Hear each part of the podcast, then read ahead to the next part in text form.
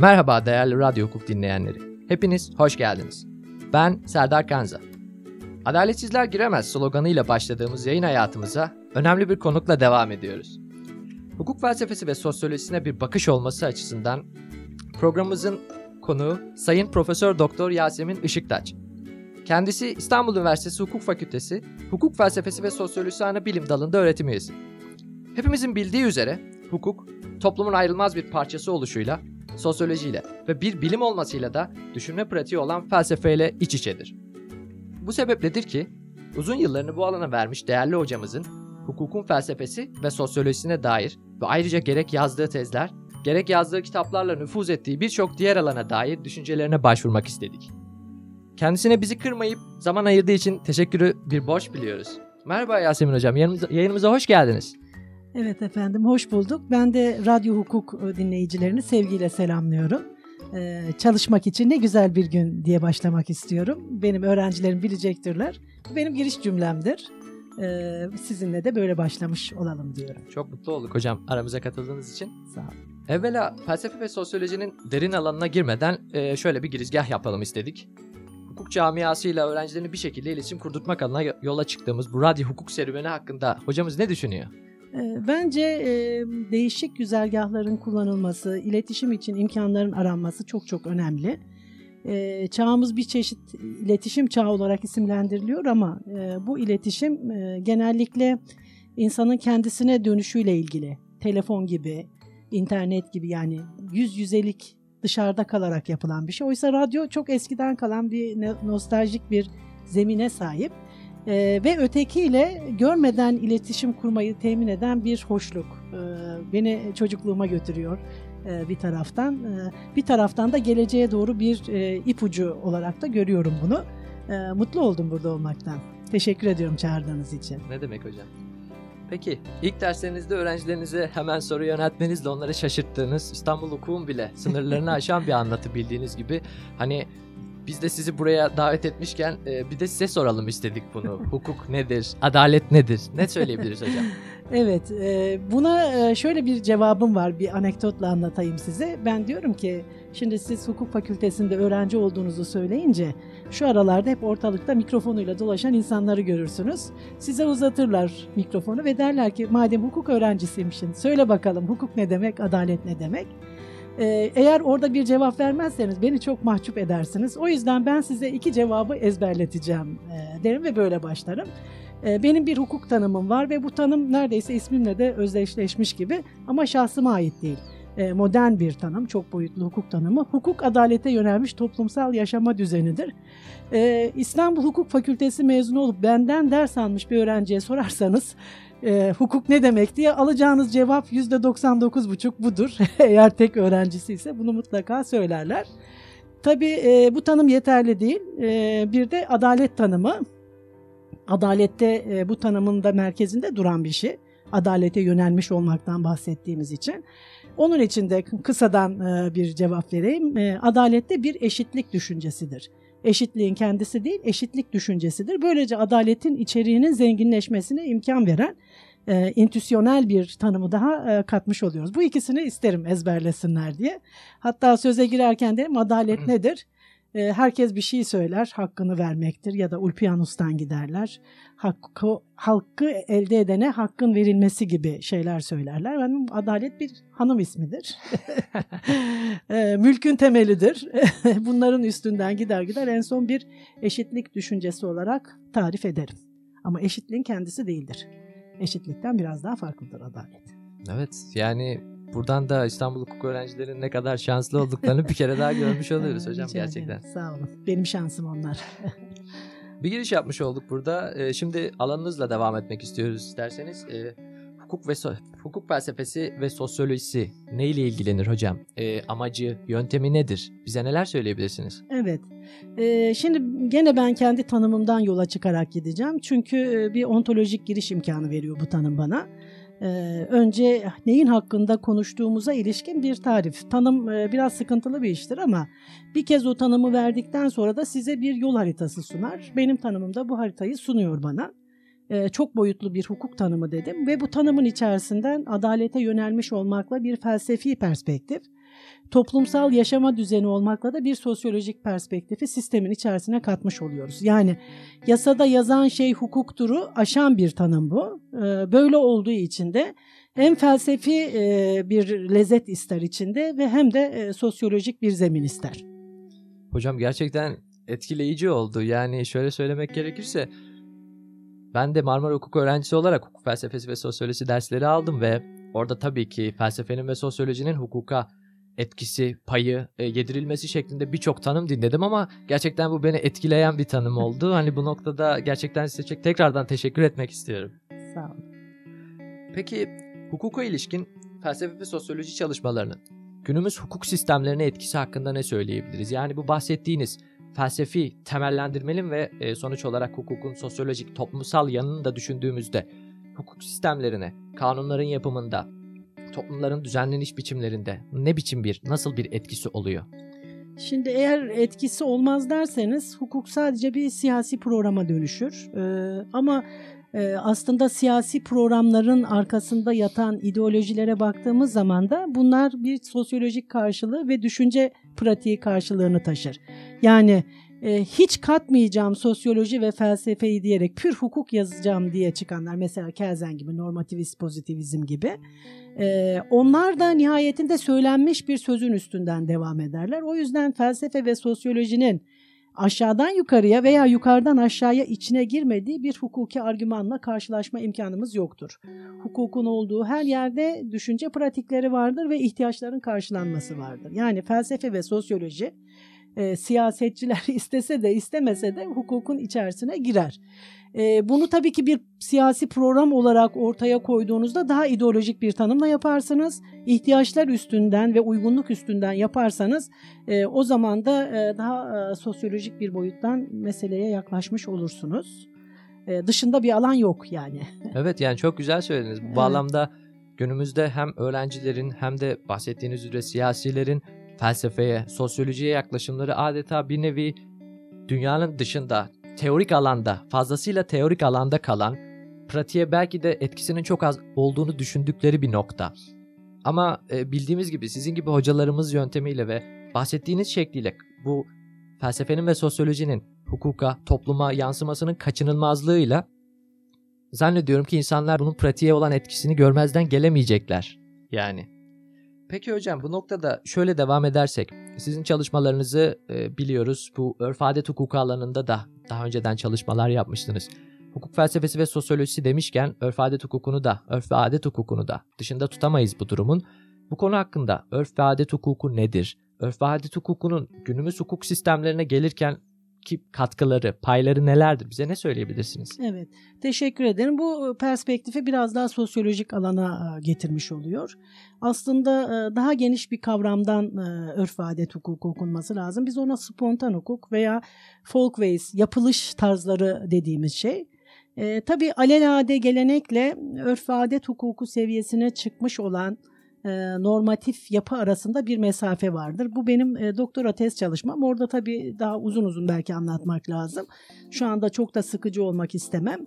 E, şöyle bir şey, e, insanlar arasındaki iktisadi ilişkiler ve ihtiyaçlar, yeteneklerin farklılaşması gibi insanın tabiatından kaynaklanan özellikler, karşılıklılık dediğimiz şeyler hukuk yokken de kendisi için bir zemin bulur. E, bu zeminin kendisi belki e, ilkel hukuk dediğimiz e, şeye denk düşebilir. E, şöyle bir örnekle belki güzel açıklayabilirim. E, düşünün ki bir ağaca çıktınız ve bir sepet dolusu elma topladınız. Bir adam da geyik derisinden ayakkabı dikiyor. Aslında insanlar arasındaki ilişkinin e, mahiyetini iktisadi ve hukuki açıdan şöyle okuyabiliriz bir geyik derisi ayakkabıyı almak için kaç sepet elma vermeliyiz? İktisadi bir soru ama tam hayatın ilişkisinin de karşılığına gelen bir şey. İşte bu belki arz talep dengesi üstünden okunan bir şey. Hukuk yokken de bu ihtiyaçlar vardı ve sabitti. Bunları karşılayabilmek için insanlar e, bir piyasa oluşturdular. E, şimdi deriz ki geyik derisi ayakkabı daha mamul bir malzeme. Herhalde o daha kıymetli.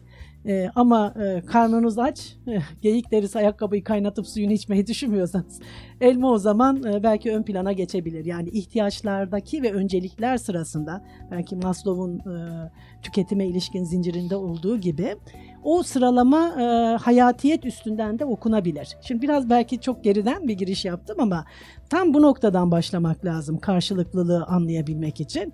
E, henüz e, yasalar düzeyindeki o çok gelişmiş bir düzeydir. Ondan öncesinde insanlar arası ilişkinin e, ne düzen üstünden gideceği, e, ne şekilde gerçekleşeceğine ilişkin bilginin e, aslında örf adet hukukunun ilk kaynağı olduğunu söyleyebiliriz. E, bir uzlaşı, bir karşılıklılık ve razı oluş. E, burada belki hani kazan kazan win-win dediğimiz usul üstünden gidebilir veya e, hegemonik ilişkiler üstünden gidebilir. Bir şekilde bu kural olarak kendisini kabul ettiriyorsa e, o zaman ancak örf adet hukuku seviyesine çıkıyor. İki koşul alınır e, bildiğiniz gibi. Bir tanesi uzun süreden beri bir kuralın uygulanıyor olması. Bir diğeri de insanlarda bu kuralın hukuk kuralı olduğu yönündeki fikriyatın canlanması.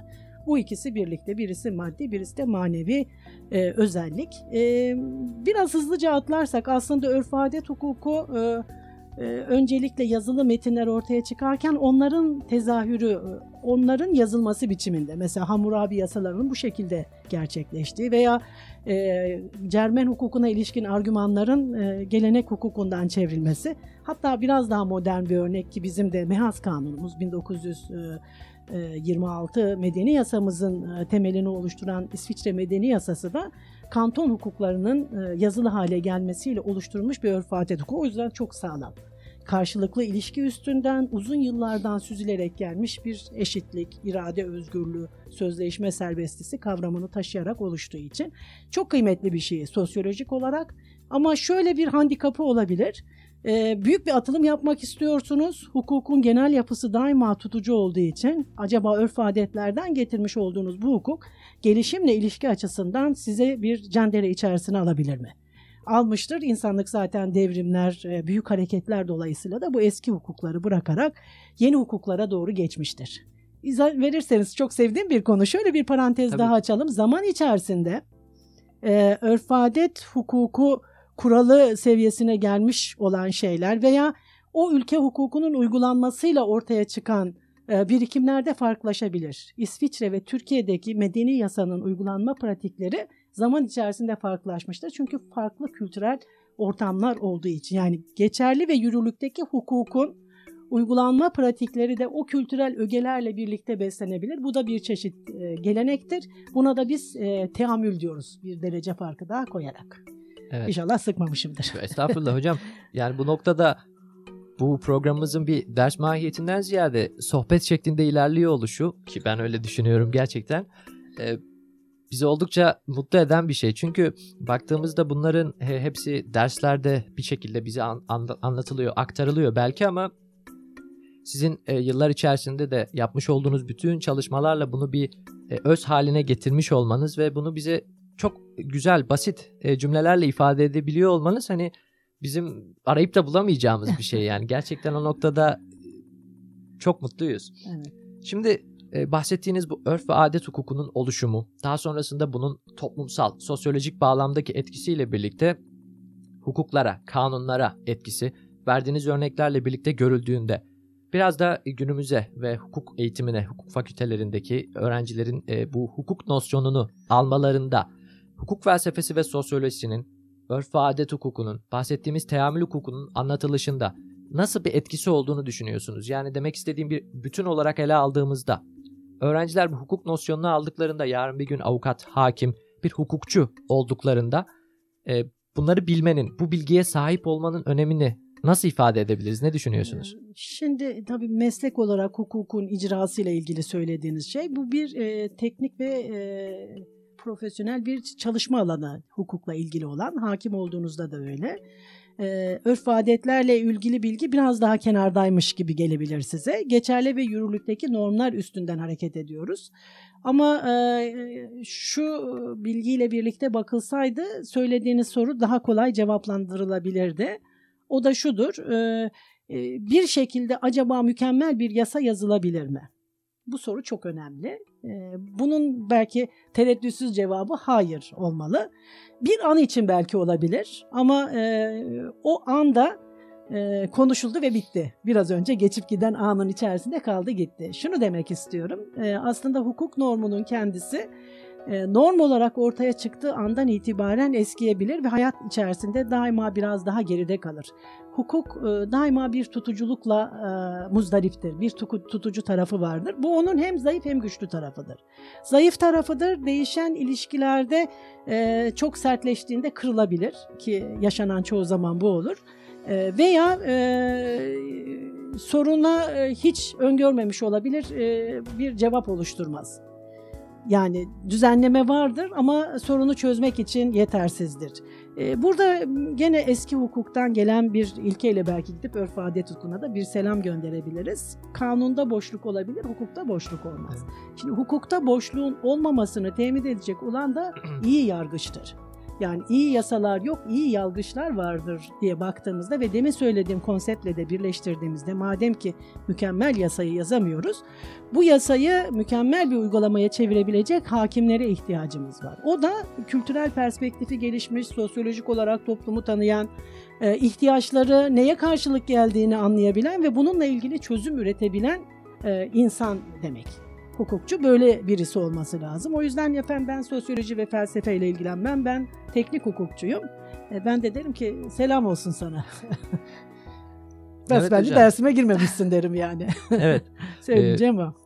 Bu noktada hani bahsettiğiniz gibi evet teknik hukukçu olmanın e, bu felsefe ve sosyolojiden uzaklaşılamayacağını insanların bir nevi görmesi gerekiyor. Tabii şey yani bu. İstanbul Hukuk Fakültesinin sanıyorum en esaslı farklarından birisi budur e, burada hiç tevazu göstermeyeceğim. Sebebi şudur, İstanbul Hukuk Fakültesi avukat yetiştirir daha çok. Avukat kimdir? Avukat aslında resmi müesseseler karşısında durup ıı, sorunların ıı, çözümüne ilişkin pratik çözümleri ortaya çıkartacak ıı, yani yazılı prosedürün genişletilmesine sebep olacak argümanı sunan kişidir. Yorumlayan adamdır. Hukuk fakültesinde de bizim hukuk fakültemizde özellikle e, yorumlamaya ilişkin faaliyetler e, daha yüksek tutulduğu için başarılıdır. Nereden anlıyorsunuz derseniz o da şöyle bakarsanız en çok para kazanan avukatlar listesinde ilk 10 sırada kim var?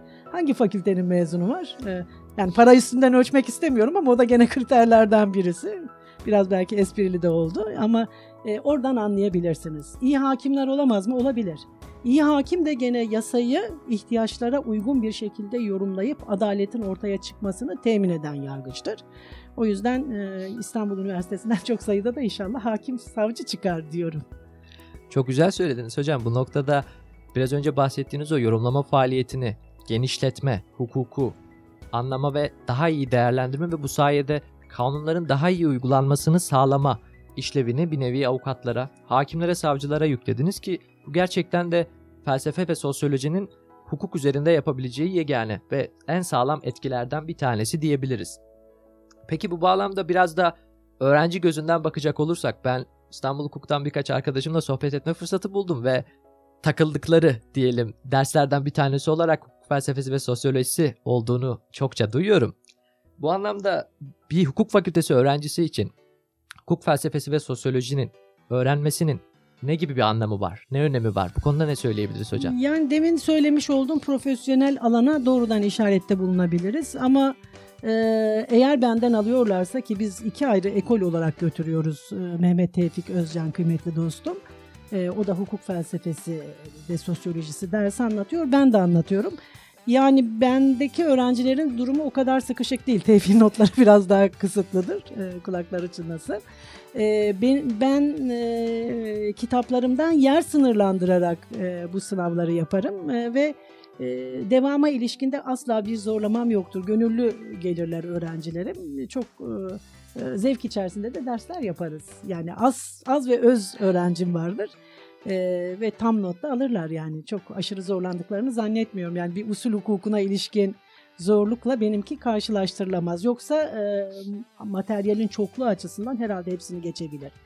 Yani çok sayıda argümantasyon var. E, mesela her iki kitabımda hem hukuk felsefesi hem sosyoloji kitabım üçer bölümlüdür. Bir tarihsel perspektif anlatılır. E, peşinden e, mesela hukuk sosyolojisine ilişkin kendi yaklaşımımı anlatırım. Hukuk felsefesi için anlatırım ve bunun pratiğe yansıyan yönlerini de aktarmaya çalışırım. Yani amaçsaldır e, kitaplarım. O yüzden e, zevkine varan başarıyla geçer. Yüzde alınır yani çok zorladığını zannetmiyorum. Şimdi bu güzel cevaptan sonra öğrencilere bir cevap niteliğinde olan hani dersin zorlayıcılığının belki de bir nevi öğrencinin ilgisine bağlı olduğunu belirten cevabımızdan sonra hocamızın bize geldiğinde acaba programda müzik sunumu da yapıyor musunuz? Ee, bir müzik bir parça söylesem paylaşsam e, bunu çalabilir miyiz diye sorduğu bir parça var elimizde. Şimdi onun için bir müzik arası vereceğiz. Hayden'den Su Müziği parçasını bu noktada siz değerli dinleyenlerimize sunuyoruz. Evet değerli dinleyenler, bu hocamızın tavsiye ettiği güzel parçayı dinlediniz. Bakalım yorumlarınız ne olacak? Bunu daha sonrasında sizden bekliyoruz. Şimdi de e, hocamızın da bize daha önce bahsettiği üzere ve bizim de e, hocamızın çalışmalarından takip ettiğimiz üzere hocamız aynı zamanda hukuk metodolojisi çalışmalarıyla ilgileniyor ve aynı zamanda dersini de veriyor İstanbul Hukuk Fakültesi'nde.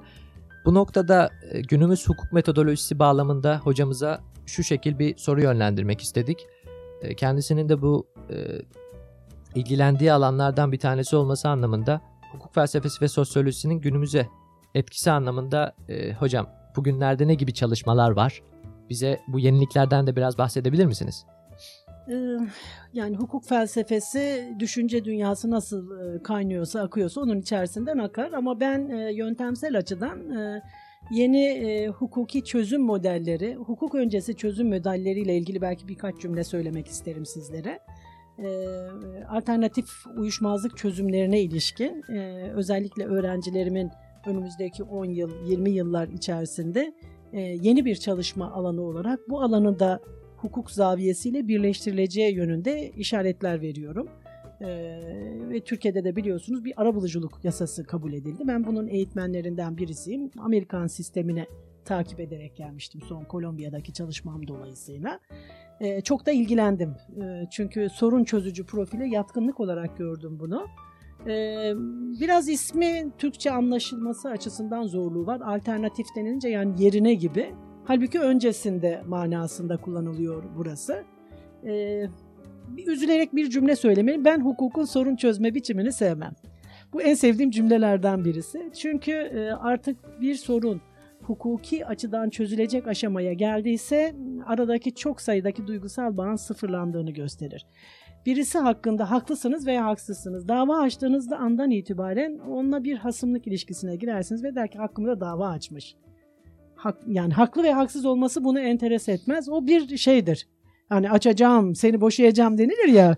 Ne zaman gidip davayı açıp kağıt gelirse eve o zaman der ki evet üçüncü bir kişinin önünde beni yargılıyor. Ee, bu sempatik olmayan tutumu ve belki köprüden önceki son çıkış hukuk. Yani birbirimize zarar vermeksizin aramızdaki hukuki sorunu e, üçüncü profesyonel bir kişi çözsün demek. Ben öncesine daha çok talibim. O yüzden neymiş sorunuz gelin bakalım öpüşün barışın e, faslı benim çok daha sevdiğim bir şey. Arabuluculukta ben buna ilişkin çok ciddi bir işaret görüyorum bir.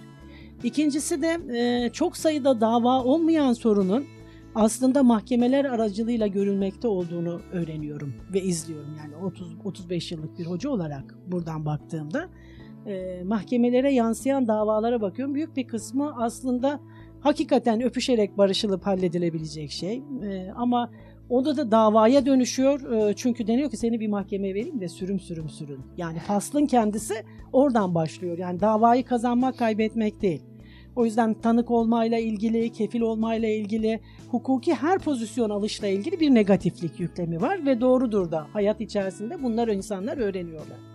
Çünkü o kadar taciz ederler ki sizi bir duruşmaya ikinci, üçüncü tanık olduğunuz zaman bile, hele taraf olduğunuz zaman davalarda çok uzun sürdüğü için sonucu kaybedersiniz. Artık o mahkeme git gel sizin için bir ruh yarasına dönüşür. Ee, tabii bunlarda şöyle bir üzüntüyü hissetmeliyiz hukukçular olarak. Demek ki hukuk e, başarılı bir şekilde çözüm, çözüm üretmiyor, sorun çözmüyor bir memnuniyetsizlik hali e, ve şeylere gittiğiniz zaman da hapishane hep kader mahkumları E, peki o ölenler mezardakiler ki bilmiyoruz e, şeyin dediği gibi temelin e, sorun bakalım öldürdüm ama niye öldürdüm gibi. Yani her şey için bir gerekçe ulaştırabilir, oluşturabilir insan ama bu alternatif çözüm yöntemleri dediğimiz şey e, özellikle iletişim ve psikolojiye ilişkin bilgisel alanımızı genişleterek insanların konuşma pratiklerini yükseltmek üzerine tarafların kendi anlaşacağı zemini kurmak üzerine e, bu hukuk fakültelerinin klasik eğitimiyle alınabilecek bir şey değil. Mutlaka programların desteklenmesi lazım. Yurt dışında bu yönde çalışmalar var. İngiltere örneğini vermek istiyorum size. İngiltere'de tüm davaların %87'si ara buluculuk aracılığıyla çözülüyor. Hatta ara bulucuya gitmeniz gereken bir işi normal davaya çevirirseniz e, ve davayı kaybederseniz bir de sizden ara buluculuk e, tazminatı alınılıyor. Deniliyor ki e, mahkemeyi oyaladınız. E, yani oradaki pratik böyle bir şey. Neden? E, tabii biraz daha faydacı anlayışla bakıyorlar. E, maliyet üstünden bakıyorlar. Yargılama oldukça pahalı bir faaliyet. E, ara buluculuk bunun alternatifi olarak daha küçük ölçekli, anlaşarak çözülebilecek, her iki tarafında memnuniyetini temin edebilecek e, çözüm pratiklerini sisteme katmayla ilgili. Çok ilgiliyim bununla. E, çünkü sistemin en büyük sorununun uzayıp giden davalar olduğunu düşünüyorum. E, ve adalet gerçekleşmediği için de adalete yönelmiş toplumsal yaşama düzeni olarak hukuku görme imkanımı kaybediyorum. hayat amacıma denk düşen bir şey bu benim. Evet bu noktada e, sizin bahsetmiş olduğunuz hukuk ve adalet tanımınızla birlikte olaylara çözümsel yaklaşımınız tam manasıyla bir bütünlük arz ediyor aslında. Yani insanların gözündeki o hukukçunun, hukuk fakültesi algısının bahsettiğimiz o adeta bir nevi kanun işi, hukuk işi, mahkeme işi, bu bahsettiğiniz bütün bu negatifliklerle adeta bir savaş alanıymışçasına betimlenmesi e, sizin bahsettiğiniz bu açıdan e, çok daha farklı şekilde ele alınabilecek bir şey aslında. Baktığımızda ara buluculuk alanında ülkemizde de zaten yeni yeni gelişmeye başlayan ve öne açık olan bir alan bahsettiğiniz gibi. Umuyoruz çok daha iyi noktalara gidecektir. İnşallah. Öyle diyelim. E bu noktada sizin başka alanlarda da konuyla ilişkili olarak çalışmalarınız var bunu biliyoruz. Aile içi şiddet, toplumsal hayatta kadının yeri ve kadın hakları gibi hepsinin için ayrı ayrı başlık açılabilecek konular üzerine çalışmışsınız. Bu anlamda bize hem arabuluculukla bağlantılı olması anlamında hem e, kendi alanınızın bu konulara ilişkin bilgisiyle bu alanlara ilişkin neler söyleyebilirsiniz? Kadın hakları, özellikle Türkiye'de kadın hakları ve e, isterseniz buyurursanız dünya ile karşılaştırmalı olarak rica edersek ne düşünüyorsunuz? Evet, teşekkür ediyorum. Ee, bir belki yanlış anlamaya yol açmasını istemem e, aile hukuku kamu düzenine dahil olduğu için şu anda arabuluculuk faaliyet alanı içerisinde değil. O ayrı bir program olarak gidiyor. Türkiye'de aile danışmanlığıyla ilgili e, biraz hani boşanmalar artıyor, aile içi şiddet artıyor. Bunları engelleyebilmek için bir sosyal yardımlaşma müessesesi olarak işletilebilir bir danışmanlık alanı oluşturulmaya çalışılıyor. E, biraz Türk usulü gidiyor orası da. Hmm, uzman kalitesinin yüksek tutulması lazım e, buralar çok e, zor alanlar. Gerçekten e, eğitimini hakkıyla almış olan kişilerin yapabileceği bir şey. E, o zaman hani danışmanlık yaparken kaş yapayım derken göz çıkabilir. E, biraz e, riskli buluyorum. E, şu anda ara buluculuk için düşünülen alanlardan birisi değil. E, başkaca problemler var hem layıklık açısından hem çoklu hukuk sistemleri açısından. E, ama e, danışmanlık faaliyetinin e, daha yaygın olarak sunulması bir e, sosyal yardımlaşma müessesesi olarak gidebilir. E, biraz belki feministler kızacak ama ben kadın haklarını çok fazla ayrıştıran bir tip değilim. E, çok da sevmem. E, hak insana ait bir şey. insan kavramı içerisinde. Kadınlarla şu açıdan ilgilenebilirim ve çocuklarla. E, şu anda daha fazla mağdur oldukları için. Yoksa bahşedilmesi açısından değil böyle görüyorum. Bir avantaj veya dezavantaj değil. O zaman erkeklerle ilgili olan e, hakları talep eden kişilerle aynı seviyeye düşmüş oluruz. Ahlaki de bulmam bunu ben. Yani insan kavramında birleşen ve kadın ve erkek hak ettiği kadar e, fazlası değil, bahşedilmiş değil ve gereğini yapabilecek durumda olan kadınlar. Ee, çocuklarla ilgili fasıl benim için çok daha önemli. Ee, bir hukuk devleti pratiği olarak da. E, çocuk haklarının korunması, özürlü haklarının e, korunması ile ilgili. E, bunun için e, çok insancıl ve merhametli, şefkatli her türlü tedbirin alınması gerektiğini düşünüyorum. Eğitim projeksiyonları da bunun içerisinde olan bir yerdir. Daha zihniyeti açık, geleceğe yönelik tasarımları yapabilen, yaratıcılığı olan kişiler olarak ortaya çıkması lazım. Evet hocam, bu noktada oldukça güzel noktalara temas ettiniz. Zannediyorum söylediğiniz feministler bana kızacak ama şeklinde ifade ettiğiniz kısım gerçekten şaşırtıcı bir nokta ama bir hukukçu olarak temellendirmesini o kadar iyi yaptınız ki insanın karşı çıkmak için alan bulabileceğini zannetmiyorum buna. Estağfurullah. Bu anlamda devam etmek için e, düşündüğümüz bir alan olarak aile içi şiddet ve toplumsal hayatta kadın konusunu biraz açmak istiyoruz. Bu alanda yaptığınız çalışmalar var. Evet. E, ve ülkemizde bu bir kanayan yara bildiğimiz üzere ve zaten günümüzün e, pozitif, e, günümüzün çağdaş sorunlarından biri olan bu gelmiş olan Suriyelilerle birlikte bu e, ortaya çıkan kadın sorununu e, sadece kadın üzerinden değil bahsettiğiniz üzere çocuk üzerinden de ve, ve bunu da bir toplumsal hayatta kadının yeri e, bakışıyla bir hukukçu olarak ve bir kadın olarak evet. nasıl değerlendiriyorsunuz? Ee, şimdi tabii hani Suriyeliler gibi tırnak içerisinde bir başlık açtınız. Ee, onu e, tartışmamızın dışına taşımak istiyorum. Daha Tabii genel ki. bakmak isterim ben. Güncel bir problem olması açısından. Doğrudur. O hakikaten güncel bir problemdir ee, ve e, bir şekilde saçılmış e, halde kalmışlardır. E, tam Türk usulü olmuştur ona ilişkin tutumumuzda. E, muhafaza edilmemiştir. E, mülteci statüsü almamışlardır ama nerededirler? Çok iç içe geçilmiş durumda ve kısa bir sürede de çözülecek gibi gözükmüyor. Akıllıca hareket edilmesi gereken bir yer toplumsal sorunları arttırmamak açısından. Ama başlangıçtan itibaren çok başarılı götürülmediğini düşünüyorum. Parantezi kapatıyorum. Ben gene burada da belki hem feministler hem de sizin bu hazır vermiş olduğunuz reçete benim değerlendirmem açısından dışarıda kalabilir. E, şiddet e, kadına yönelik, çocuğa yönelik biçiminde çok da ayrıştırılacak bir şey değildir. Bir tutumdur. O yüzden benim tavsiyem son 4-5 senemi ben ben inşasını ayırmış durumdayım. Ee, insanın kendisini daha mükemmel kılmakla ilgili ne yapıp yapamayacağı felsefi tutumum ve öğrenmeye çalıştığım şey bu.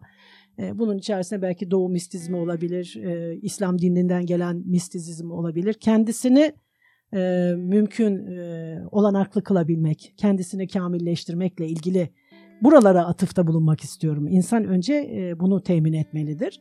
E, bunun cevabı, şiddete ilişkin cevap da buradadır. E, çünkü merhamet ötesi olursunuz aksini yaptığınız zaman. Gücünüzün yettiği herkese karşı şiddet olabilir. O bazen de erkek olur, bazen de hayvan olur. Bazen sakat olur, bazen çocuk olur, bazen de kadın olur. E, bu iletişememenin bir sonucudur. E, insan olamamanın bir sonucudur. Çünkü konuşma faslını çıkarmışsındır gündemden. E, ve sadece kendine benzeyeni arzu edersen e, buraların tuzak olduğunu her zaman söylerim. Gene derslerimde söylediğim en önemli cümlelerden biri ve mutlaka isterim ki akıllarına kazınsın. Herkesin aynı olduğu yer cehennemdir. Bunu söylerim. Bunu çok önemsiyorum ben. Ee, böyle bir halüsinasyon var. Ee, aşırı milliyetçiliğe ilişkin şeylerde, dini tutumlara ilişkin şeylerde bu tuzağa e, çok e, ciddi bir şekilde yakalanıyoruz. Her yaştaki bu coğrafyanın insanı bu tuzaklara yakalanıyor. Halbuki bu çeşitliliği arzu eden Tanrı'nın kendisi.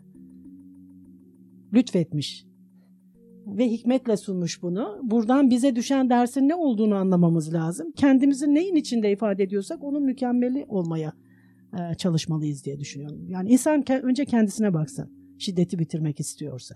Şiddet de sadece şamarla ilgili bir şey değil. Çok esaslı duygusal şiddet var bu toplumsal yapının içerisinde. Ee, kendisini e, bilemediği için, kendini bilmediği için e, ötekini de e, aşırı şekilde hırpalayan bir zihniyet var. Buradan çıkılması lazım. Bu bizim en büyük tuzağımız.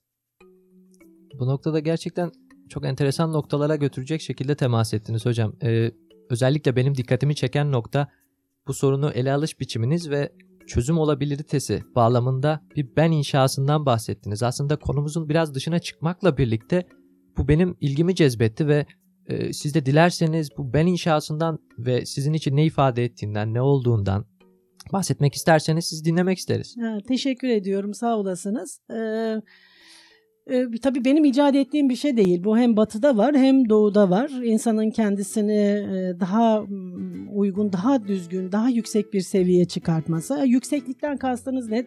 Emin olun ki zengin olmak değil. Yani 3,5 metre yatı olan daha iyi bir insandır. Bu manada değil ama insanlıktan kendisine düşen payı arttırmayla ilgili. E, bunun içerisine öncelikle merhamet giriyor. Yani merhameti olmayan insan her zaman potansiyel bir şiddet e, yetkilisidir. Şiddet uygulamaya yatkındır. Onun kendisine de yoktur merhameti. E, o yüzden bizde belki hani din kültürü bismi altında okutulan e, derslerdeki en ciddi eksikliklerin bunlar olduğunu düşünüyorum. Çünkü takip ediyorum e, orta öğretim e, kitaplarını, lise kitaplarını ne var içlerinde diye e, bir değer atfına ilişkin bir sıralama yok. E, üzgünüm. Buralarda asıl eğitim politikasının buralarda tamamlanması lazım. Nasıl bir insan istiyorsunuz sorusunun cevabını vermemiz lazım. E, bir felsefeci olarak bu soru benim için merkezde olan bir soru. Kendime de soruyorum. Nasıl bir insan olmak istiyorsun? Olmadın mı daha diyebilirsiniz. Kaç yaşındasın diyebilirsiniz. Ee, e, bu bir yolculuk bu. Sonu da yok. Evet hocam bu noktada söylenecek fazla söz bırakmadınız bize. Gerçekten çok iyi bir noktaya kadar getirdik sohbeti.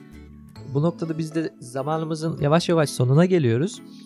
Bu noktada sizin söylemek isteyeceğiniz, öğrencilerinize söylemek isteyeceğiniz veyahut da sohbetimiz genelinde kafanızda kalan eklemek isteyeceğiniz bir şey var mıdır? Elbette. Teşekkür ediyorum önce ben bu e, hoş sohbet için. E, sizin karşınızda e, bu konuşmayı yapabildiğim için, öğrencilerim olduğu için tercih ettiğimi de biliyorlar. E, o yüzden sevgilerimi gönderiyorum herkese, dinleyenlere. E, ben e, şunu söyleyeceğim. Daha çok edebiyat, daha çok sanat gerçekten e, iyi bir hukukçu olmak istiyorsanız ve kendinizi inşa etmek istiyorsanız başkaca hayatlara tanıklık etmeniz lazım. Ben size diyemem ki gidin köprü altında yaşayın. Orada risk var. E, zarar görebilirsiniz. Ama yaşanmış şeyler var, birikimler var. İnsanlığın e, oluşturduğu bir tortu var. Ve bir e, e, nasıl söyleyeyim size bir e, kültürel atmosfer var tüm dünyaya ilişkin. E, daha çok okuyunuz, e, edebiyatla tanışın. E, sinemada belki kitaptan daha canlı gelebilir audiovizyon olduğunuz için sizler. Ve müzik. Bunlar ruhu besleyecek şeylerdir. Bunlar yoksa hayat biraz sığ kalabilir. Çok teşekkür ediyoruz hocam. Bu noktada harika bir sohbet oldu bizim adınıza. Çok doyurucuydu. Umuyoruz ki dinleyicilerimiz de bu noktada beğeneceklerdir sohbetimizi. Bize katıldığınız için çok teşekkür ediyoruz. Hukuk ve adalet temelinden yola çıktığımız sohbetimiz felsefe ve sosyolojinin çetrefilli yollarını takip etti ve değerli hocamızın kadın hakları, toplumsal hayatta kadının yeri pek tabii bu konudaki düşüncelerini de farklılaştırarak açıklamasıyla birlikte programımızın sonuna geldik. Hocamız Sayın Profesör Doktor Yasemin Işıktaş'a bize eşlik ettiği ve sorumuzu, sorularımızı cevapladığı için teşekkür ediyoruz. Bütün dinleyicilerimize iyi dinlemeler. Hukuk ve adaletle kalın efendim.